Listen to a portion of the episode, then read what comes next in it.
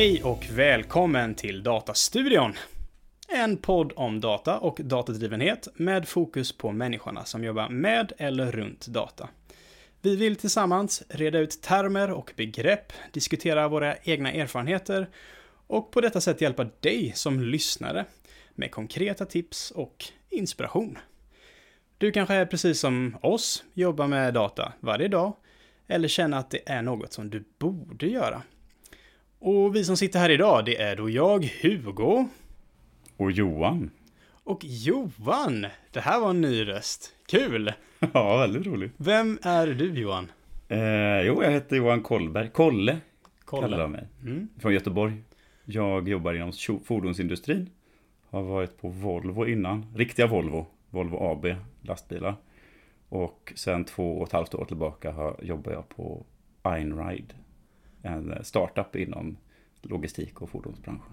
Spännande. Och varför är du här idag tror du?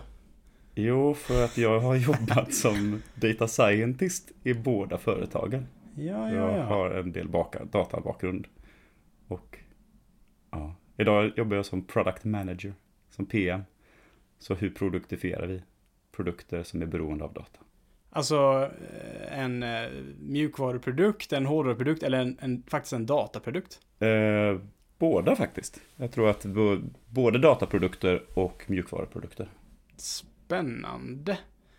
Eh, vi har ju haft en avsnitt innan när vi pratade just om det här med dataprodukt, eh, kanske inom konceptet eh, data mesh. Så att jag är jättenyfiken för att höra hur eh, ni på Einrad eh, jobbar med, med data. Jag har ju vissa tankar och idéer om eh, hur den industrin är i förhållande till, eh, vad ska man säga, eh, datautveckling i sin storhet. Eh, förhoppningsvis kan du antingen bekräfta eller dementera det. Eh, Men eh, jag hoppas ju på att få lära mig lite om hur man jobbar med data inom eh, fordonsindustrin, logistikindustrin, vad ska man säga? Vad är mest korrekt?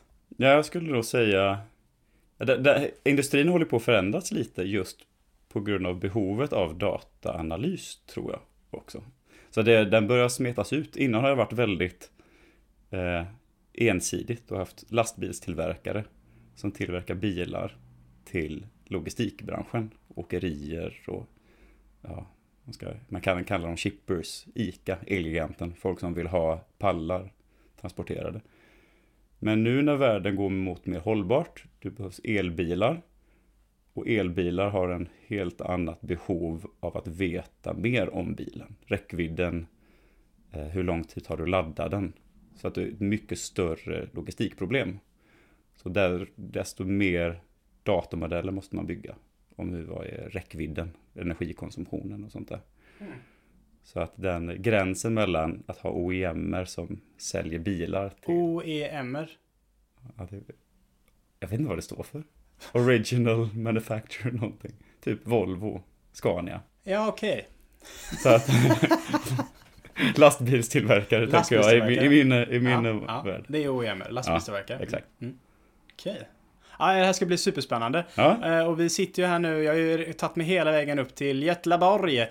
För att få träffa dig och sen så kan man väl ändå tillägga att vi känner ju varandra eh, sedan innan. Mm. Eh, vilket är kul. Och kul att vi får dels ses men också få snacka data. Ja, Eller snacka data menar jag. snacka data. Ja. Det här ska bli superkul. Jag tycker vi kör igång!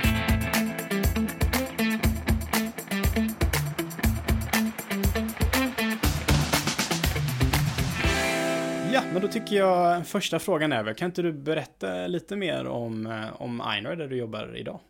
Ja, men det kan jag göra. Men jag vill egentligen börja kanske prata om var jag kom ifrån. Alltså jag, kom, jag, jag kommer prata om Enride. Men jag började på Volvo först som jag, som jag sa. Mm. Och det är ganska, jag skulle beskriva Enride då som ett mjukvaruföretag som tvingas jobba med hårdvara. Och Volvo, som jag kommer ifrån, är ett hårdvaruföretag som blir tvingade att börja jobba med mjukvara. Och det är två så jäkla skilda världar, alltså de här två, Mm. eh, när det kommer till hur man jobbar med data i Har, företaget. har det att göra med att eh, Volvo lastvagnar då? Eller? Precis, det var... Ja, att Volvo då är ett gammalt företag som kommer från mer mekanik och hårdvaruhållet och sen så har i och med takt med modernisering tvingats jobba med nyare saker och medan Einride tvärtom är ett nytt bolag som Ja, kvota att börja med mjukvara och ja. Ja, och med det sagt så tror jag att Volvo är ett väldigt spännande företag för det är en av få gamla traditionella OEMer som vi snackade om. Som faktiskt, ja men exakt, som faktiskt tar tjuren i hornen och vill göra övergången till mer digitala produkter. De pratar mycket om att sälja tjänster. Jag tror det fanns något mål de uttalade för några år sedan om att de 2030 ska 50% av all, all vinst vara från tjänster, från services på något mm. sätt. Utan att säga vilken typ.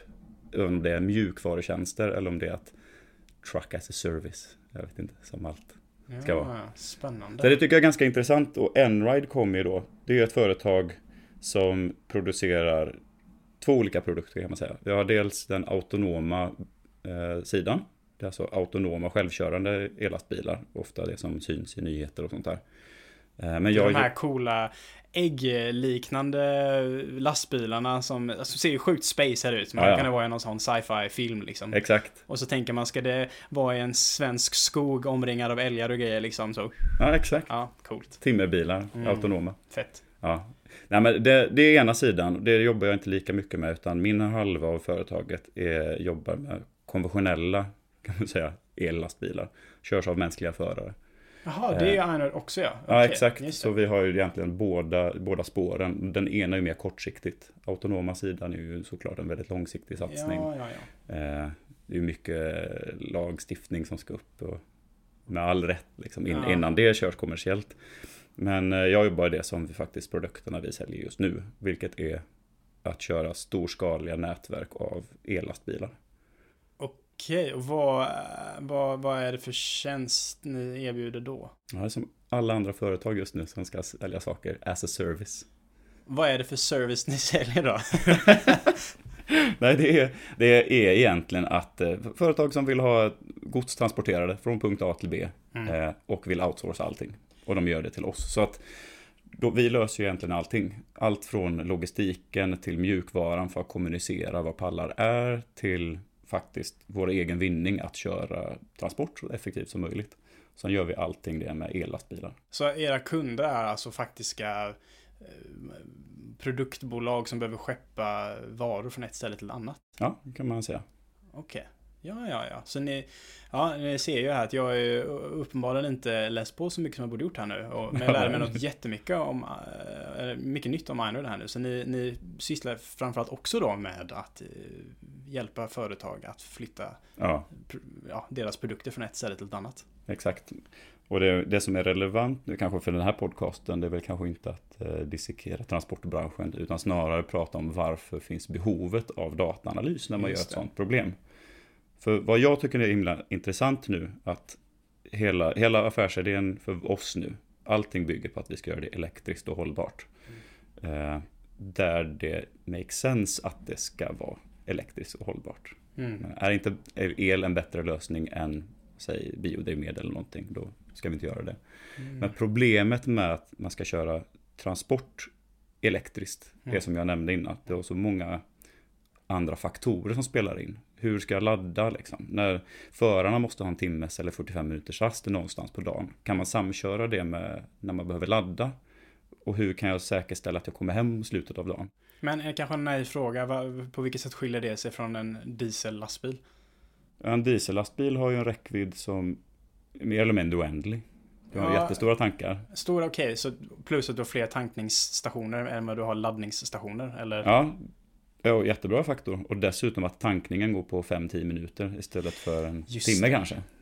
Faktiska laddningen eller tankningen, okej. Okay, Exakt. Fattar. Så att i en bransch som har ty innan varit väldigt, väldigt manuell. Mm. Du kan, som man säger, dispatcha ordrar genom penn och, pen och papper. Du kan ringa liksom. Du har en logistikansvarig på ett åkeri i sig. Mm. Som kan ringa och säga att ja, men vi behöver en till pall hit. Mm. Ska du göra det med elektriska lastbilar? Mm då är det så mycket mer planering du behöver att det blir överväldigande att göra manuellt. Så att många branscher nu har jättesvårt att gå elektriskt just för att det är så svårt att när man har kvar i gamla sätt att arbeta. Ja, för historiskt sett så har själva företaget som ska skeppa sina produkter, de har kunnat göra de här beställningarna på egen hand. Ja, och sen så löser åkerier det. Ja, och då hör de av sig till åkerier som i sin tur bara gör det. Men ja. nu, okej, okay, och nu löser ni allt. Då. Exakt. Och där kan man börja förstå varför mjukvara börjar spela en stor roll. Så, som du öppnar med lite. Det vi jobbar med dataprodukter såklart, för mycket handlar om datainformerade beslut. Mm. Det är jättemycket maskinlärningsmodeller bakom energikonsumtion och Mm. allt möjligt. Men samtidigt inom mjukvara, hela, hela orkestreringen om man kallar det Mm. av hela transportbranschen behöver ju någon slags visibilitetsplattform. Vad har jag mina, vad har jag mina, mitt paket just nu? Vad är den här pallen? Mm. Eh, hur mycket laddning är kvar på den här bilen? Och eh, rent konkret eh, nu liksom, vad, vad, vad, jobbar du med just nu på Einride då? Så jag jobbar med en process, nu kan, nu har vi, vi har inte pratat så mycket data än. Det är Nej, nej, konkreta. det- det kommer, kanske, det Ja, kommer. vi kanske kommer in i det nu. Jag jobbar med den processen, kan säga att jag jobbar som produktägare över transformering. Ja. Hur tusan har en, en shipper som man kallar den, någon som vill skeppa gods. De har jättemycket transportdata hur de kör diesel idag. Hur tusan kör vi det, den lösningen elektriskt istället? Mhm. Och det är hela transformationen till att hitta vilka flöden make sense att elektrifiera, vilka ens inom räckvidd för en ellastbil. Mm. Vilka flöden är densa nog att det är värt att elektrifiera. Hela vägen till att skapa en elektrisk planering med väldigt komplicerade optimerare som kör el, som optimerar ellastbilar just med laddning, förarskift, allting. Till att faktiskt kunna sätta en, vad kommer det kosta? Men vad, okej, så eh, för att lite mer konkret då, vad för typ av data behöver ni arbeta med då för att kunna göra sådana här prognoser eller optimeringar eller vad man nu ska kalla det? Jag tror man kan dela upp det i två grupper eh, konkret. Dels har du demand-sidan. Det är Mm. alltså det som kommer direkt från en, någon som vill ha en shipper, någon som vill ha varor skeppade. Demand-data kan man kalla det. Det vill säga, Vilka locations har jag? Var vill jag skeppa vilka pallar liksom? Vilka datum hade jag de här flödena? Så det är extremt mycket data på pallar som flödar från platser till platser, mellan platser. mm, Och på andra sidan har du egentligen det som jag har det mer bakgrund från OEM-erna då. Det är alltså typ energikonsumtionsmodeller som bygger på ja, hur mycket el drar bilarna. Det är Mm. jätteviktigt att veta så att man vet att man faktiskt kommer fram. mm, Eller hur, ja det kan vara degradering på cellerna i batterierna liksom. Hur Mhm. mycket slitage är i batterierna. Mm. Så att jag kan säga att data kan vara uppdaterat i dels demand-data och dels supply-data. Alltså vad har du för kapacitet i ditt nätverk? Vad har jag laddare någonstans? Vad har jag lastbilar och vad har de för modeller på sig? Mm. Men dels också på demand-sidan då. Hur mycket demand kommer flöda in? Så egentligen det problemet jag löser, det är matcha supply och demand. Typiskt affärsverksamhet. ja, Det har si och så mycket supply, hur mycket demand kan vi lösa med det? Och, och hur, hur används den här produkten eh, hos Einride liksom? Vad, vilket, vem är konsument av den här datan? Eller liksom, Som- Som jag tillbaka till, till som jag sa innan då, det vi säljer idag det är ju en as a service-tjänst. Vi Ja. säljer freight capacity as a service och det är att en kund ska inte behöva bry sig om sina egna egentligen lastbilar utan vi löser det. Så att de säljer bara en, de köper en månadskostnad mer eller mindre eh, av oss och så löser vi hela transportproblemet. Spännande. Så då sitter era säljare och använder den här produkten eller hur funkar det? Exakt, så att Ah, en ICA, Elgiganten liksom, behöver inte, själva inte vara med egentligen. Det är klart de är med i transformeringsprocessen, hur en lösning ser ut. Men det som jag jobbar med är helt en intern process idag. Just hur tusan ser vi till att göra en så kostnadseffektiv elektrisk lösning som vi kan. Så ni underlättar för era säljare att kunna liksom, eh, vad ska man säga, ge en, orden, eh, en, en bra offert till era kunder typ. Ja, kan man säga. Coolt. Ja. Coolt. Mycket data. Ja, Och inte vad jag tänkte mig inför det här samtalet. Ännu roligare. alltså.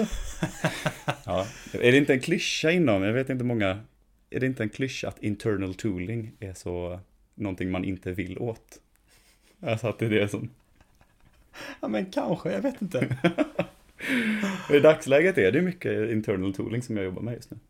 för, för jag tänker att eh, det många företag eh, har problem med eh, nu i takt med att alla ska bli så datadrivna och eh, jobba med generativ AI eh, och eh, inte missa den här momentumvågen. Håller man inte på med data då, då kommer man bli utklassade av någon annat, något annat företag eller någon startup eller whatever. Liksom. Eh, så det låter som att ni faktiskt tar stormsteg med att eh, bygga dataprodukter för att kunna ta informerade beslut. Oh ja, allting handlar om det skulle jag säga. Ja. Dataprodukter kommer ju från, jag sa vi, både mjukvara är det såklart och så dataprodukter. Dels har det ju väldigt stort värde i bara dataprodukterna i ren rapportering. Alltså en, en stor del av vår verksamhet bygger på att vi minskar koldioxid. Det är kärnverksamhet, liksom allting. Är det ur marknadsföringssynpunkt eller är det också, det finns ju krav för att man ska ha så lite koldioxidutsläpp och så vidare som möjligt. Ja, ja. exakt. Mm. Och det är faktiskt någonting jag har bakgrund i, att jag har jobbat mycket med livscykelanalys. Och då är det eh. en attraktiv säljmodell till era kunder? Att kunna ja. säga att använder ni oss så kommer ni ha ett minskat klimatavtryck. Ja, absolut. Mm. Så att du, det finns ju protokoll, Greenhouse Gas Protocol som säger hur mycket koldioxid släpper ut en elbil ut enligt de här ramverken. Och det är mm. egentligen det här vi säljer. Det är det här företagen vill ut och kunna visa i en hållbarhetsrapportering att jag har kunnat minska och spara sig och så mycket kilo koldioxid. Mm. Eh, så det är ju en dataprodukt. Men det finns ju också de här interna dataprodukterna som vi använder bara för att optimera våra egen, våra egen verksamhet. Mm. Jag menar, jag jobbar ju just nu med säljprocessen eller transformationsaspekten av, av att gå elektriskt.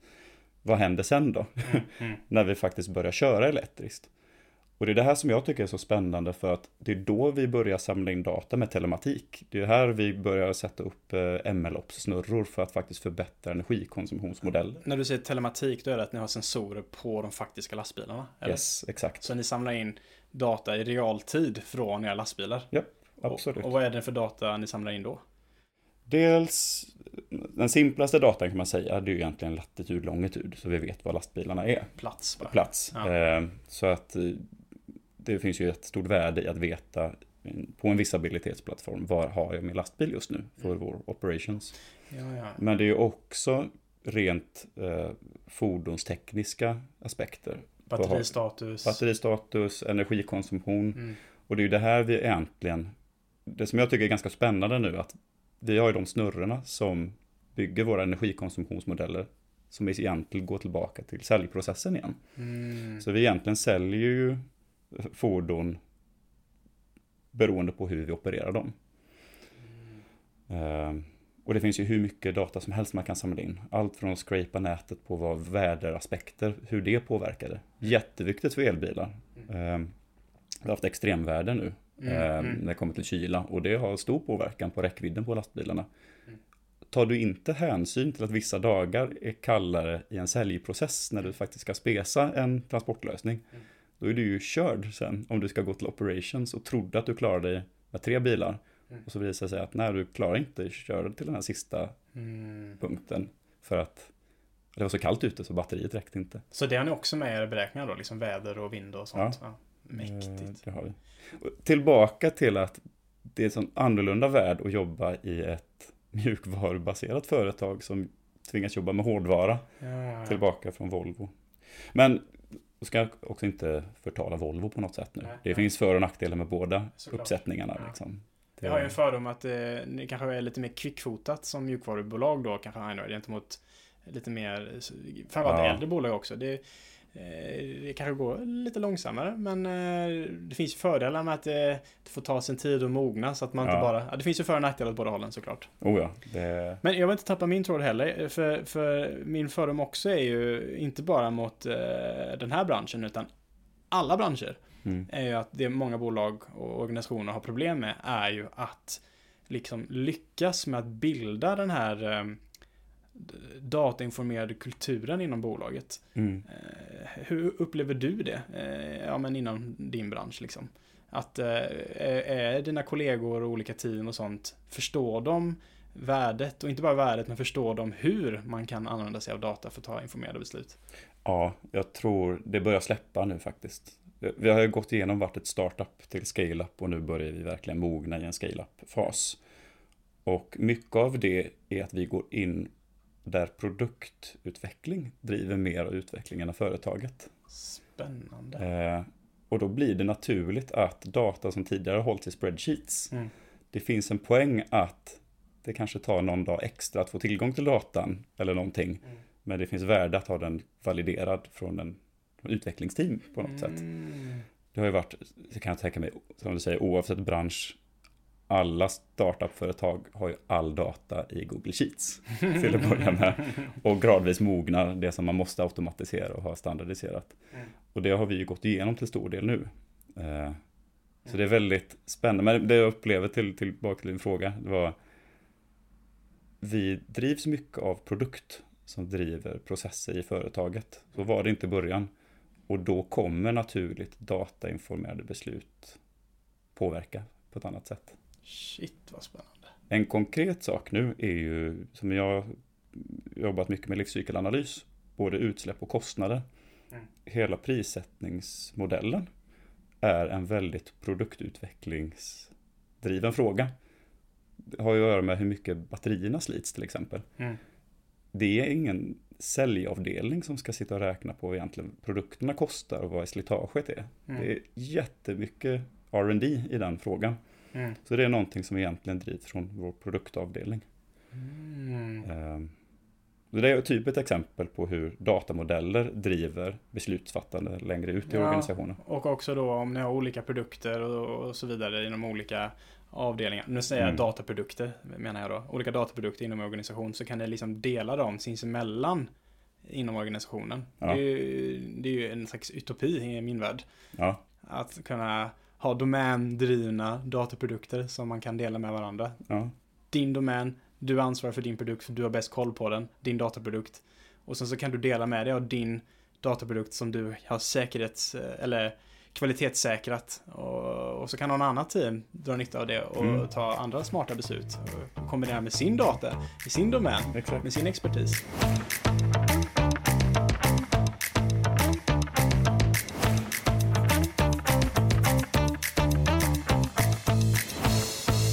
Väl vara värt att säga också att eh, vi jobbar inom data mesh-konceptet. Jag tror ni har haft ett avsnitt om just Några till och med. Några- några Jag avsnitt till och med en serie. Vi är såna här eh, töntar som bara älskar data mesh tydligen. Som, Ja, ja, ja. eh, nej, precis, absolut. Vi har avsnitt om det. Nej, ja, precis.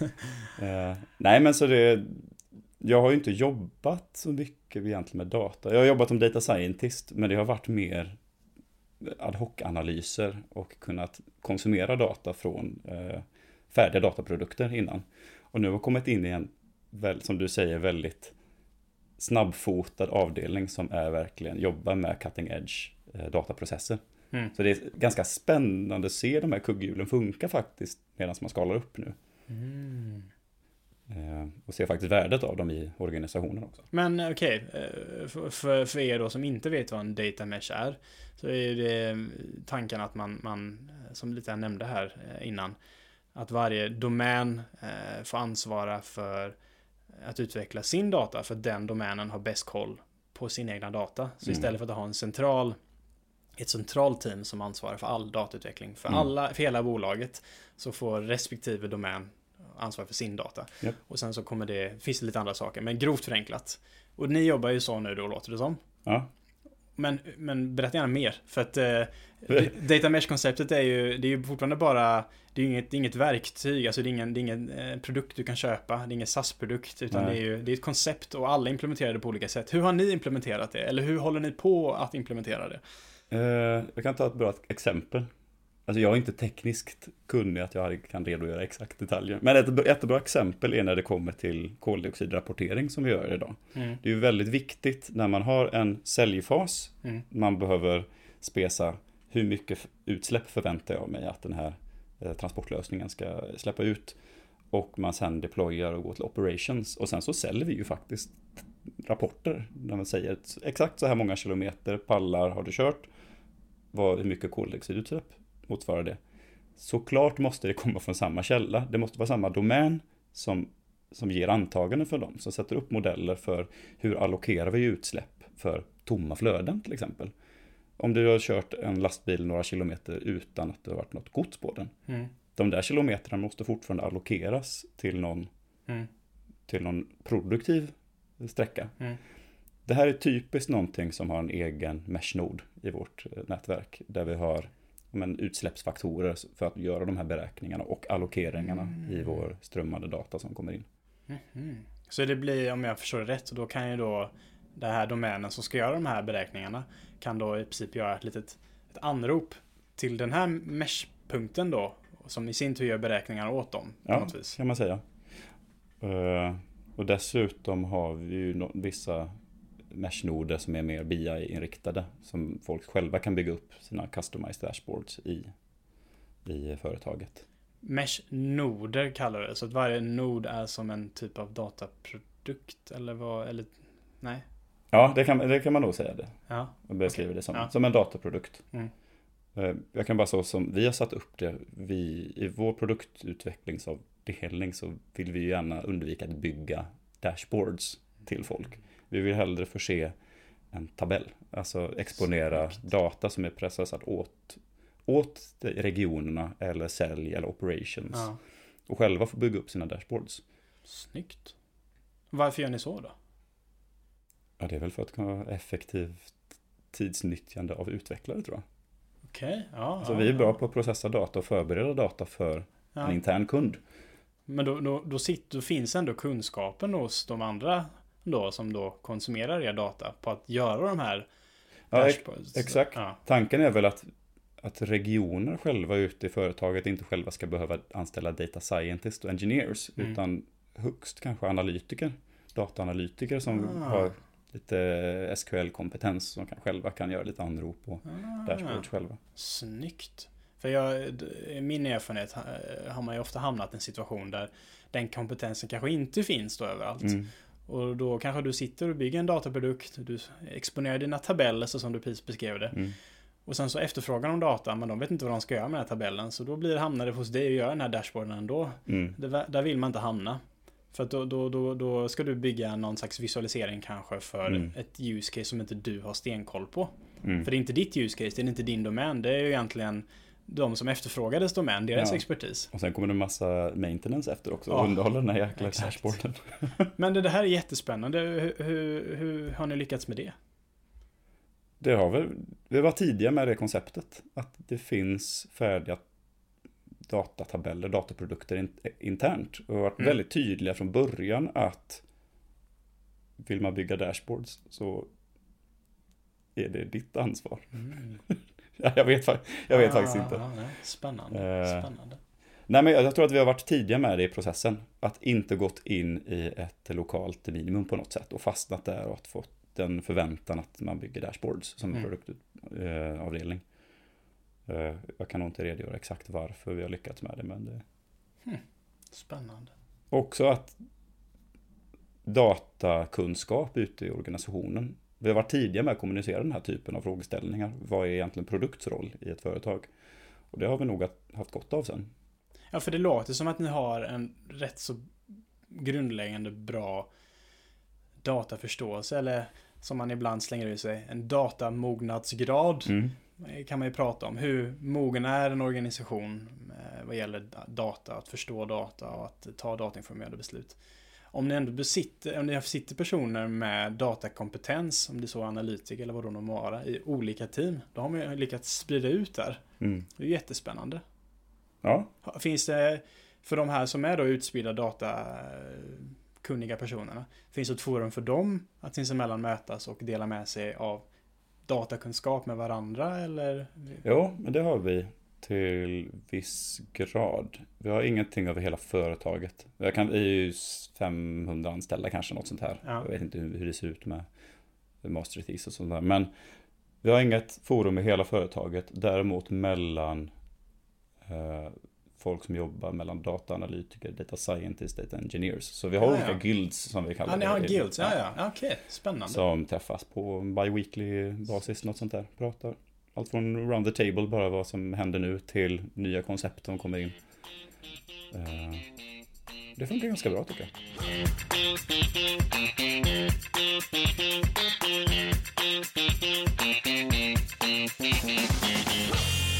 Vad eh, är du mest eh, taggad på härnäst? Eller liksom vad är det för problem som som ni håller på att lösa? Eller du har ju redan snackat om vad ni håller på med nu. Men Mm. vad, vad, vad ser du fram emot? Vad är liksom nästa stora milstolpe eller vad man ska säga för er?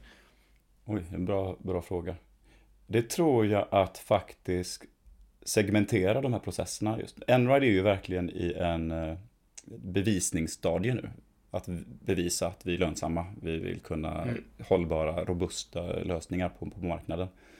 Vad som är ganska lite utmaningen nu att få volym på det. Mm. Hur kan man köra inte 10 lastbilar i taget och koordinera utan 100 ellastbilar samtidigt. Mm. Där helt plötsligt du har stora laddstationer med Ja, du har fem laddare med 100 lastbilar. Hur, hur säkerställer man Oj. att de där 100 lastbilarna inte bokas samtidigt och att, du, Mm. det, att inte hela systemet faller som dominobrickor. Mm. Det finns inget företag i världen som kan nafsa på det, den typen av volymer egentligen och koordinera det effektivt också utan att ha säkerhetsmarginaler överallt med massa backupfordon. Och där ligger vi mycket i framkant just för att vi har varit så databaserade från början. Mm. Att nu har vi ingredienserna på plats liksom, för att lösa den typen av problem. Eh, Spännande. Nu gäller det bara att bevisa också att vi Ja. kan det. Nu, nu eh, eh, sa du någonting som jag också absolut måste fråga. Eh, bevisa det. Nu Mm. snackade lite om att ni kan bevisa skalningen och lite sånt där. Mm. Men eh, vissa, eh, vad ska man säga, delar av organisationen, kanske sälj. Mm. Eh, För dem blir det väldigt tydligt. Har vi lyckats sälja bra, eh, då eh, drar vi in pengar. Mm. Då kan man väldigt enkelt bevisa värde. Mm. Vi har levererat värde för bolaget i och med att vi har dragit in mer intäkter. Mm. I ert fall mer kontrakt eh, så vidare, så vidare. Men för datateam är det inte alltid lika självklart. Det är inte alltid så här att man kan knyta eh, i det här fall då en optimiseringsmodell eller någon Mm. typ av dataprodukt eller vad det nu må vara eh, till faktisk inkomst. Nej, Hur bevisar ni att ni faktiskt är värdefulla? För jag kan tänka mig på en hög nivå är väl alla överens om att klart man ska jobba med data och jobba mer datainformerat. Det är Mm. värdefullt. Men det är jättesvårt att faktiskt bevisa att man har lyckats skapa värde. Hur gör ni? Jättebra fråga. Jag tror en eh, mer affärsmässig, lite mer organisatoriskt, strukturellt är väl just samspelet mellan sälj och operations då. Eh, Det är så jäkla långa ledtider på den här typen av produkter. En process kan ju ta år Mm. eh, med stora kunder. Hur tusan vet du att det som spesades i sälj också är vad som händer när du faktiskt deployar det här i verkligheten? Mm. Där blir det extremt tydligt hur bra dataprodukter är i termer av prediktiva modeller. Typ energikonsumtion, eh, hur mycket laddar eh, laddarna, hur snabbt går det. Där har man direkt feedback. Men lite mer affärsmässigt, det, det är en bra fråga. Mm. Det, det, är en, liksom, det, är en, det är svårt att koppla en peng till en Ja. modell när tjänsten, produkten man säljer är så enormt långt bort från bara data. Precis, jag kanske också tänker lite mer budgetmässigt. Om man sitter inom organisation Mm. och sen så ja, sätter budget och hur mycket ska data, hur mycket pengar får ni för att Mm. utveckla datateamet för den här produkten eller vad det nu må vara. Ja. Eh, och sen så kanske det bara blir minus, minus, minus. Men eh, förhoppningsvis så kan man ändå på annat vis, om det så inte är med pengar, bevisa värde för man kan se, vad vet jag, eh, kortare ledtider eller snabbare återkoppling mot kunderna tack, för att man ser att i takt med att man lanserade, la mer pengar på datautvecklingen så såg man att ledtiderna minskade. Eller man måste ju utforska sådana typer av... Ja. Eh, Vi slog mig faktiskt att vi, kom, vi har precis börjat eh, nosa på att utveckla enligt cost of delay. Något ganska lite bredare koncept. För att kunna spesa värdet av lite mer abstrakta produkt, interna produkter. Egentligen för varje, himl, varje team, varje feature man utvecklar, Mm. försöka sätta en prislapp är vad är kostnaden om jag inte levererar den här featuren? Mm. Och tillbaka, faller tillbaka till energikonsumtionsmodeller hela tiden. Det är någonting jag har jobbat med mycket och är väldigt fundamentalt. Men det går väldigt mycket att sätta en prislapp på. Vad händer ifall min energikonsumtion är 10% fel? Mm. Det kan vara helt drastiskt att säga att ja, men deploymenten kommer inte funka. Det kommer kosta 20% mer i månaden för att jag var tvungen att slänga in till lastbil. Mm. Den var jag tvungen att betala ännu mer för, för att det var, jag behöver kort leverans på den. Eller, det tänket, vad händer ifall jag inte har den här dataprodukten på plats? Mm. Är ett väldigt tror jag är väldigt effektivt. Så Mm. vi ska faktiskt börja jobba enligt det, det, den modellen nu. Smart, så då kan man- man jämför lite med, inte worst case scenario, men ett, man jämför med ett bad case scenario typ. Ja, nej men eh, ja, lite så. Ja, Egentligen är det att man kollar robustheten på sina system. fattar. Ehm, Och det håller ju inte bara för dataprodukter utan det är ju mjukvara också. Säg att Ja. det är en helt ny mjukva- mjukvarugren som vi vill kanske släppa. Ja, Ska vi prioritera den nu eller ska vi släcka en brand först? ja precis. Vad är, okej, hur mycket loss of revenue kommer Ja. ha genom att inte släppa den här Q1 utan vi släpper den Q2 istället? Ja, Helt plötsligt kan man börja jämföra dataprocesser med Ja. kanske rena mjukvaruprocesser. Med hårdvara som man säljer. fattar. Men jag, jag tänker, ni måste väl redan nu också kunna visa på att så här eh, ser outputen ut eh, med våra försäljningar och dylikt när vi har använt dataprodukten. Mm. Jämfört med så här såg det ut innan. När vi inte hade Ja. Eller? Har ni kunnat se sånt också? Ja, det kan vi också se. Men Ja. sen har det gått snabbt också. Det är lite svårt att, när man Ja. har gått från scale-up till Ja, startup. fattar. eller startup till scale-up väldigt snabbt. Men ja, det... Större analyser visar ju verkligen värdet av dataprodukter. Men eh, Mäktigt. mäktigt. Ja, mäktigt är ett bra ord. Men du eh, Johan, eh, jag tror att vi kanske ska hålla där. Eh, det här Ja. var ju otroligt kul. Ja, det var roligt att komma och Superkul och jag eh, känner att eh, jag har fler frågor. Det kanske blir eh, eh, vi får ta en öl efter det här och prata lite mer. Ja. Kanske. Men vad har vi pratat om idag? Jo, eh, du har ju delat med dig om eh, fordon slash logistikindustrin och dina erfarenhet- erfarenheter från att jobba på både Volvo lastvagnar och nu Einride. Och berätta lite om hur ni jobbar med dataprodukter internt för att eh, ta bättre datainformerade beslut. Och ditt fokus har då varit liksom kring att eh, göra de här eh, modellerna kring att eh, lista ut, du kallar det för eh, transportlösningar, eller hur? Ja, det kan man säga det. Ja, eller vad kallar du det? Men det är väl en transportprodukt? Transportprodukt, alltså att det är från, för att en kund ska kunna skeppa data från punkt A till B. Här föreslår vi hur vi kan lösa det med x antal lastbilar och jada jada. Ja. Superintressant. Vad har vi mer sagt idag? Eller jag låter dig sammanfatta lite. Ja, vi har också pratat om lite organisatoriskt fördelen Mm. med att ha dataprodukter och data mesh kanske. Mm. Och att har mer att produktutveckling och hela utvecklingsteam har en lite mer konkret roll när det kommer till data i företaget också, hur vi har löst det.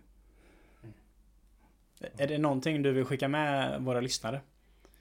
Som sista, sista grej? Någon, någon, eh, någon uppmaning eller någon, någon tankeställare eller eh, ett tips? Eller? Ett tips. Testa på olika typer av företag. Alltså, Ja, för mig tycker jag att jag har haft väldigt gott av att jobba på Volvo och kommit från en sån avdelning. Och har väldigt gott av att jobba på Enride och varit intressant att se kontrasterna och för och nackdelar i båda och jobba. Mm. För att det finns ju såklart, alltså startup och scale-up-branschen, det är ju klart att många processer är helt kaotiska liksom. Att det är ingen struktur någonstans. Mm. På ett företag som Volvo är det tvärtom. Och det är jäkla gött att ha tryggheten och känna att Mm. man vet vad man har i organisationen. Så att ja, jag tycker det är väldigt spännande att sätta olika, de kontrasterna liksom. ja, ja. Eh, nu har jag pratat mycket om Enride just att det är Ja. där jag jobbar nu. Men det hade varit också spännande. Jag har aldrig varit med och byggt upp ett riktigt startup från grunden, bara varit ett par. Anställda, liksom. Det har varit kul att vara med i en sån process också någon gång. Svårt att bygga en data mesh när man bara är några få anställda. Ja, precis. Kanske inte finns någon jätteför anledning att göra det när man Ja. bara är några få. Sätta upp OKR när man är två. Ja, exakt. Det är jättebra. Ja. Eh, Kanon. Och då kanske det är rimligt att jobba i Google Sheets. Ja, det är... Ja. Nej, stort, stort tack Johan. Eh, och eh, ja, det ska bli spännande att följa Einrides resa och hoppas att ni som lyssnar har bättre, lite bättre förståelse för eh, den, eh, det skiftet som hela den här industrin står inför nu med elektrifiering och att eh, minska koldioxidutsläpp och klimatavtryck. Jättehäftigt, jättespännande. Stort, Ja. stort tack. Ja, tack själv. Ha det så bra, hej hej! Hej, hej.